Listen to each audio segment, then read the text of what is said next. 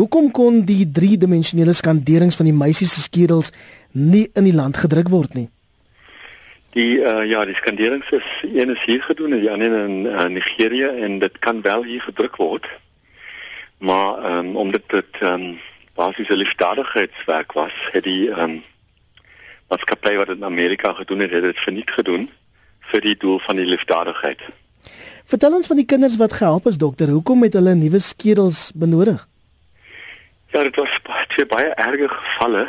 Ehm um, die een, uh, laat ek net 'n bietjie vertel van die kinders. Die een is 'n uh, uh, 6-jarige kind van Nigerië en die ander 'n 7-jarige kind van van Zambië, Grace. Grace het 'n baie ernstige ehm um, aangebore afwyking waar die die ehm um, gesigspeen nie lekker gevorm is. Die oë is baie ver uit mekaar. Ons noem dit in mediese terme nasofrontal dysplasia.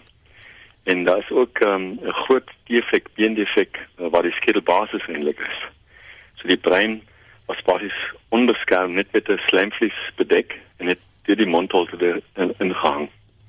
Nou sê dit uh, 3 jaar gelede operasie gehad in Mexico City wat ook 'n um, ehm, liefdadigheidsoperasie was. Maar ongelukkig infeksie ontwikkel na die tyd. En toe sy eindig sy met 'n massiewe skedeldefek van die oë van voor kant die temporale been tot heel agter die uh, parietale been was omtrent 60 tot 70% uh, defek van die van die skedelbeen. En um, dit is eh, 'n uh, groot probleem in jou alledagse lewe. Sy moes die hele tyd 'n helm dra. Sy moet beskerm word. Sy kan nie net buitekant toe gaan op haar eie, sy moet die hele tyd iemand toesig hou. En dit was die probleem by haar. Dis Grace en dan Agikere is 'n 6-jarige meisietjie wat um, van Nigerië afkom en sy is gebore met Cruzon syndroom. Cruzon syndroom is ook aangebore afwyking wat die been groei aantas van die gesig en van die skedel. En um, een van die probleme is dat die die uh, middelste gedeelte van die gesig is baie onderontwikkel, baie ver terug. Dit het 'n paar uh, probleme. Een is dat die oë ver uitsteek en die oë is dan nie beskerm nie. Dit kan ehm um, tot oogskade lei. Die ander groot probleem is dat hulle nie lekker kan asemhaal. Hmm. En dit was die grootste probleem by haar gewees. Ehm um, sy het al reeds as gevolg van die erge ehm um, obstruksie van haar van haar asemweë het sy ehm, 'n um, regte hartversaking ontwikkel in 'n erge graad. Ons noem dit cor pulmonale.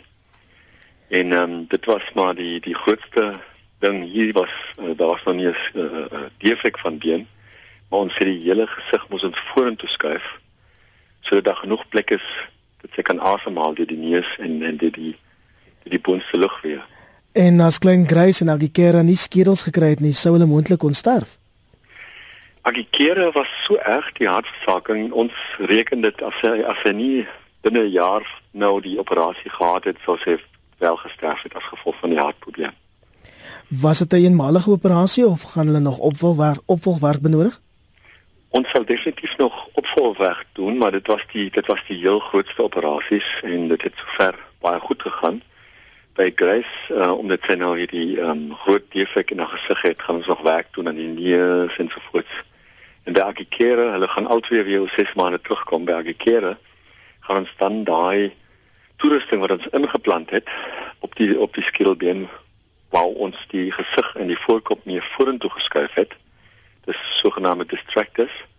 Ons gaan dit alles verwyder oor 6 maande en dan weer kyk hoe lyk sy. Maar ons weet dit ondervinding dat hierdie kinders met hierdie erge aangebore afwykings het maar hele klomp operasies nodig voordat hulle volwasse raak. Die operasies moes seker 'n klein fortuin gekos het.